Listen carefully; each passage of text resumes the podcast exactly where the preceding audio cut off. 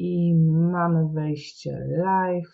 Cześć, kolejny poniedziałek. Kurczę, ja czekam na te poniedziałki. Już od dawna bardzo lubię poniedziałki, ale odkąd spotykamy się na żywo w godzinach meczu i nie tylko, to w ogóle szczególnie bardzo, bardzo mocno lubię poniedziałki. Cześć wszystkim, którzy już są. Widzę, że jesteście super. Zarąbiście. Bardzo dziękuję za komentarze. E, odpowiedziałam, cześć Daria, A, ale fajnie. E, na część już odpowiedziałam, ale generalnie cały czas e, poruszamy się w tematyce. E, świetnie. E, mam taką prośbę. Nie mam pewności. Cześć Edyta, cześć Ewelina. E, dobrze. Cześć Asiu, miło Cię znowu widzieć. Cześć Kasia. Miło Cię widzieć również chociażby wirtualnie. Dawno się nie widziałyśmy w realu. Dzisiaj będziemy mówić o tym, dlaczego prace domowe nie działają, dlaczego nasi pacjenci wychodzą z gabinetu i trzy sekundy później już są w swoim starym patologicznym wzorcu. No i czemu generalnie tak ciężko i czemu tak ciężko zmotywować pacjentów do robienia czegoś samodzielnie, bez naszej pomocy. Zacznijmy od takich rzeczy, które są bazowe. W ogóle, co dzieje się w głowie pacjenta, co dzieje się w głowie tak naprawdę każdego człowieka, kiedy zaczyna uczyć się nowej czynności. No bo jakby nie patrzeć, jak on z nami ćwiczy, e, prowadzimy jakieś ćwiczenia, rehabilitacje, wymyślamy sobie jakieś czynności, no to on uczy się nowych rzeczy. Więc na jakiej zasadzie te rzeczy wdrukowują się w jego głowę? No bo mówimy o głowie, tak? E, I trzeba sobie zdawać sprawę z istnienia dwóch mechanizmów takich podstawowych, które wpływają na zmianę zachowania. I pierwszym z nich jest, e, znaczy oba należą do grupy mechanizmów e, neuroplastyczności. Niemniej oba działają troszeczkę inaczej. Co się dzieje, jeżeli ćwiczę z pacjentem? Ćwiczę, wymyślam jakiś nowy ruch, jakieś nowe ćwiczenie, być może koryguję jego wadliwą postawę, być może skorygowałam jakieś wadliwe wykonanie wzorca ruchowego, a może po prostu wymyśliłam sobie coś, co ten pacjent powinien robić, a nie robi, więc po prostu to ćwiczymy. Co się dzieje w układzie nerwowym? Następuje bodźcowanie. Komórka do komórki zaczyna przekazywać informacje, come on, działaj, działaj, działaj, działaj, działaj, musisz e, przewodzić informacje, bo te mięśnie chcą zadziałać. No ale w tak krótkim czasie jak pół godziny czy godzina terapii, no to wiadomo, że nie zajdą zmiany strukturalne. Te komórki, nie wiem, nie rozmnożą się w tym czasie, nie połączą się w tym czasie w inny sposób. Ale to, co się może stać między nimi, to może, uwaga, uwaga, może zaiskrzyć, może się zmienić chemia między nimi. Czyli podczas ćwiczeń, podczas wzmożonego bodźcowania możemy sprawić, że jedna komórka do drugiej może zacząć wysyłać wzmożone impulsy chemiczne. Czyli jednym słowem może zacząć przesyłać więcej neuroprzekaźnika, inny neuroprzekaźnik, pobudzać inne receptory e, i dzięki temu w trakcie terapii nasz pacjent będzie uczył się nowych wzorców, będzie, się, e, będzie nam się wydawać, znaczy będzie się wydawać, tak będzie w rzeczywistości, że będzie zachowywał się lepiej, czyli na terapii będzie superowy, będzie szedł wzorcowo, będzie robił ładny przysiad, będzie trzymał, nie wiem, idealnego planka, czy co tam robimy z tym pacjentem. Ale wyjdzie do domu, odsiedzi kilka, cześć Marcin, odsiedzi kilka godzin albo prześpi noc, pójdzie na drugi dzień do siłowni, zacznie pracować sam i kompletnie ten wzorzec nie będzie działał. Dlaczego? Bo w dniu, w którym z nami ćwiczył, miał poprawioną chemię przez nas, przez nasze bodźce, przez nasze stymulowanie, poprawiliśmy mu e, chemię pomiędzy komórkami. Ale kiedy wrócił do domu, odpoczął, ta chemia wróciła do normalnego poziomu, więc nie jest w stanie odtworzyć tej aktywności nerwowej, którą miał w trakcie ćwiczeń z nami. To jest jedna teoria, dlaczego pacjent zachowuje się lepiej w trakcie terapii niż po powrocie do domu. Drugą rzeczą, bo czego tak naprawdę chcemy? Czego chcemy od pacjenta? Czego chcemy na poziomie neuronalnym od niego? I to od każdego, nie tylko od pacjenta neuro, ale także od pacjenta orto. Pomyślmy o tych wszystkich na przykład e, kolanach zrotowanych do wewnątrz, tak? O koślawych kolanach, o syndromie, nie wiem, przyparcia bocznego rzepki. To są wszystko rzeczy związane e, z liniowością, z ułożeniem kości względem siebie i z prawidłowym wzorcem poruszania się, prawda? Zgadzacie się ze mną? Więc jeżeli ćwiczę nowy wzorzec, to żeby on się wdrukował na zawsze, to oprócz zmian chemicznych muszą zajść zmiany strukturalne. I te zmiany strukturalne są dwojakiego rodzaju. One są albo plastycznością na poziomie zmiany połączeń pomiędzy neuronami, które istnieją, albo możemy wyprodukować nowe neurony i te neurony mogą zacząć działać. Ale to nie jest takie proste, bo żeby nowe neurony mogły zacząć działać, to potrzeba, proszę Państwa, czego potrzeba? Powtórzeń. Powtórzeń, powtórzeń, powtórzeń, powtórzeń i potem jeszcze trochę powtórzeń. Dokładnie e, to jest opisane, to nie jest żadna tajemnica, to są, e, to są fazy nauczania motorycznego. Na początku nie wiem, co robię. Uczę się. Tak jak ja uczyłam się na przykład e, przysiadów ze sztangą albo uczyłam się zarzutów tutaj sztangi na klatkę piersiową. I dla mnie to był kompletnie nowy ruch, więc przez pierwszy miesiąc zupełnie nie wiedziałam, co robię. Uczyłam się ruchu. Ale potem, jak powtarzałam, powtarzałam, powtarzałam, powtarzałam, to przeszłam do fazy, kiedy już wiedziałam, co robię, ale żeby to zrobić, musiałam o tym myśleć. Czyli to była taka faza kognitywna, można powiedzieć. Wiem już, co robię, potrafię to zrobić, ale muszę myśleć o tym. No ale dalej robiłam, robiłam, robiłam, robiłam, robiłam, robiłam. I z biegiem czasu mój mózg przeszedł w fazę automatyczną, czyli robię i nie muszę myśleć o tym, jak robię, ponieważ mój układ nerwowy nauczył się tego na poziomie podkorowym. I to jest bardzo ważna rzecz, którą trzeba zapamiętać, jeśli chodzi o nauczanie motoryczne i o pracę z pacjentem. Dopóki pacjent musi myśleć o tym, co robi, żeby to zrobić prawidłowo, to nie osiągnęliśmy celu rehabilitacji. Sorry. Celem rehabilitacji jest taka sytuacja, kiedy to, czego my chcemy od niego, on będzie robił automatycznie. Czyli kiedy wyjdzie z gabinetu, będzie w stanie pogadać z małżonkiem w trakcie drogi do domu i wciąż będzie szedł z kolanem w dobrej liniowości. To jest efekt rehabilitacji. I teraz, no i teraz pytanie zasadnicze, jak to osiągnąć, tak? No bo do powtarzania nie wystarczą tylko nasze wizyty, bo nasza wizyta trwa pół godziny czy godzinę, w zależności od tego, jak to pracuje, prawda? Nie ile pracujecie z pacjentem. No zazwyczaj nie jest to więcej niż godzina. Więc jak Wam się wydaje, skomunikujcie się ze mną, ile czasu powinien człowiek wykonywać nową czynność, żeby opanować ją w stopniu zadowalającym? Jak Wam się wydaje? I teraz jest czas na interakcję i jak ktoś będzie oglądał powtórkę, to to jest ten moment, którego nie doświadczysz będąc z nami na live'ie. No bo już tylko możesz sobie przeczytać, co się działo pod spodem. Jak myślicie, ile czasu? Napiszcie mi. W godzinach. Nie wiem, ile potrzeba. Godzinę ćwiczeń, 5 godzin ćwiczeń, 10 godzin ćwiczeń, 20 godzin ćwiczeń, 100 godzin ćwiczeń. Ile czasu muszę powtarzać nową rzecz, żeby się jej nauczyć? 10 tysięcy godzin. O, ładnie Marcin, popłynąłeś.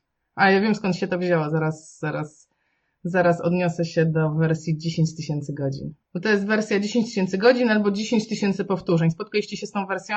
Że żeby się czegoś nauczyć, odpowiedź brzmi to zależy. Hmm, sprytnie. Dobra, najpierw się odniosę do 10 tysięcy powtórzeń albo 10 tysięcy godzin, ponieważ y, w różnych wersjach y, to istnieje w internecie. Ta sytuacja odnosi się do badań, które przeprowadzono, uwaga, uwaga, na indywidualna sprawa. Poniekąd. 6 tysięcy powtórzeń. Tak, też wiem skąd to się wzięło. Nieźle. E, ja myślę, że to i 10 i 6 tysięcy to będzie można wrzucić do wspólnego worka. Wzięło się to z badań przeprowadzonych na sportowcach bardzo wysokiej klasy, na olimpijczykach, takich high performance naprawdę, u, u których policzono, ile czasu oni spędzili na treningu, żeby osiągnąć właśnie taki poziom zaawansowania w tym, co robili. E, no i oni gdzieś tam wyliczyli, że jest to te, te, te, nazwijmy to kilka tysięcy powtórzeń, czy kilka tysięcy godzin. Ale dotyczy to, podkreślam, bardzo wysokiego poziomu. Czyli tego jednego procenta ludzi, którzy wykonują daną czynność, czy uprawiają daną dyscyplinę sportu na bardzo, bardzo wysokim olimpijskim poziomie. Hmm, Danuta, jesteś Jesteś najbliżej ze wszystkich, aczkolwiek nie chodzi o 20 powtórzeń, chodzi o 20 godzin i zaraz Wam to pokażę, bo to jest też coś, co ktoś zbadał. Zobaczcie, to jest fragment mojego artykułu ze strony e, joannatokarska.pl. Nazywa się on Jak hodować neurony. I tutaj jest przytoczone takie badanie e, Josha Kaufmana. Josh zbadał, ile czasu potrzeba poświęcić na naukę nowej czynności, żeby opanować ją w stopniu zadawalającym. Czyli ile godzin ja, jako laik, muszę poświęcić, żeby nauczyć się na przykład grać na bungee, jeśli nigdy w życiu tego nie robiłam. I jemu wyszło, że jest to 20 godzin. że można się nauczyć dowolnej czynności, poświęcając na to 20 godzin. I tyle można przyjąć, no on to sprawdził, on to zbadał. E, to, co Wam zakreśliłam, to jest tytuł jego książki, także spokojnie można ją później wygooglować, jeżeli teraz nawet nie zapamiętacie na live, jak ktoś się zainteresował. Joanna Tokarska.pl jak hodować neurony i spokojnie jest to do znalezienia. E, więc ten facet policzył to, ten facet policzył to i wyszło, że naprawdę 20 godzin to wystarczy, żeby się nauczyć. I teraz pomyślcie, jakie my mamy tak naprawdę cykle terapeutyczne. Ile, e, jak pacjenci wykupują czy dostają zabiegi? 10, 15 albo 20. To są takie standardowe e, ilości i rzeczywiście w tym czasie można już osiągnąć jakiś sukces. Jeżeli pacjent nie przychodzi tak często, czy tak e, nie spędza u mnie takiej ilości czasu, to fajnie by było, żeby zaczął coś robić w domu samodzielnie, tak? I teraz to, co się pojawiło w odpowiedzi pod postem, ale moi pacjenci nie mają motywacji w ogóle, Mm, beznadziejnie, rodzice nie ćwiczą z dziećmi, no generalnie pacjenci nie są zmotywowani. Naj, najbardziej popularne hasło świata. On nie ma motywacji, więc nie będzie miał efektów. Tylko, że jest jedna sprawa. Motywacja jest kompletnie bez znaczenia. Jak dla mnie, w moim świecie nie istnieje coś takiego jak motywacja. Nie da się być zmotywowanym samą perspektywą, że coś się zmieni, nie doświadczając tej perspektywy. Motywację może mi dać tylko i wyłącznie jedna rzecz.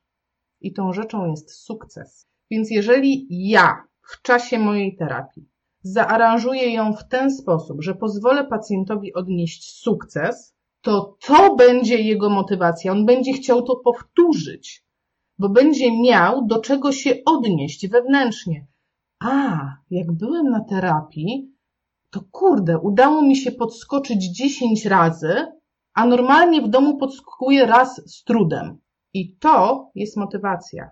Dopiero po tym sukcesie on jest w stanie wykorzystać to jako punkt odniesienia i zacząć robić coś samodzielnie. Jeżeli działamy odwrotnie, mówimy mu, jeżeli będzie pan w domu robił 20 przysiadów, 3 pompki i 17 sekund planka, to w przyszłości coś się wydarzy, to on ma to w nosie. Dlaczego ma wykonywać wysiłek na obiecankę czegoś? A może będzie, a może nie będzie. A kumpel robił i nie ma lepiej. A kumpela nie robiła i ma lepiej. Samo wyszło. Więc tylko i wyłącznie doświadczenie da nam ten efekt. Okej, okay, a jak jest z pacjentem neurologicznym po udarze? Chodzi o te godziny. Nie mam pojęcia, nikt nie zbadał tego, jak jest z pacjentem neurologicznym. I wydaje mi się, że tutaj najwłaściwsza odpowiedź będzie to zależy, ponieważ pacjenci neurologiczni funkcjonują tak naprawdę w dwóch typach, e, tak ogólnie, hmm, powiedzmy, plastyczności, neuroplastyczności. Jedni będą się regenerować, będą im spontanicznie wracały te funkcje, będą się poprawiać, niezależnie od tego, co zrobimy. I u takiego pacjenta, jeżeli damy mu pracę domową, jeżeli podgonimy go terapią, to jeszcze przyspieszymy ten proces. Ale jest cała druga grupa pacjentów, którzy działają niestety na zasadach kompensacji, czyli te funkcje, które utracili, już nie wracają i układ nerwowy uczy się tylko kompensować braki, które ma. I tym pacjentom jest nieco ciężej i z nimi idzie wolniej, z nimi idzie trudniej. Są ci tacy pacjenci, co w cudzysłowie nie idą.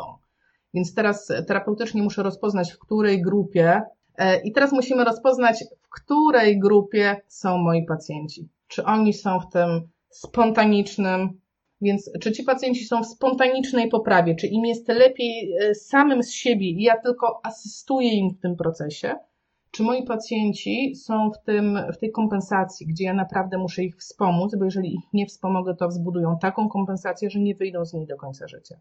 Więc to jest taka odpowiedź, e, mm, to zależy, jeśli chodzi o pacjenta neurologicznego. U mnie efekt otworzenia drzwi kompensacja. Zależy, jaki pacjent, tak? Jakie macie doświadczenia, jakich macie pacjentów? I nie mówię tylko, tylko tutaj o pacjentach neurologicznych. E, rzeczywiście, jaki macie procent sukcesów, że rzeczywiście pacjent kończąc cykl terapii, e, załóżmy, nie wiem, chodzi tak, jak żeście sobie wymyślili, że będzie chodził, albo trzyma posturę taką, jaką sobie wymyśliliście. Nie wiem, miał wielki, wiszący brzuch, e, chodził w przodopochyleniu miednicy, a teraz, nie wiem, zwiększyło mu się napięcie, jest lepszy. Jak to u Was wygląda? Napiszcie mi proszę. Czytam w międzyczasie poprzednie komentarze czy czegoś od roku nie sięgała do klamki. No. No. A, rozumiem, czyli e, pacjentka nie sięgała do klamki i w końcu jak miała ten sukces, sięgnęła i zrobiła, to, to było to to było kompensacją, czy dla mnie, rozumiem, że to było taką motywacją, tak, żeby pracować dalej.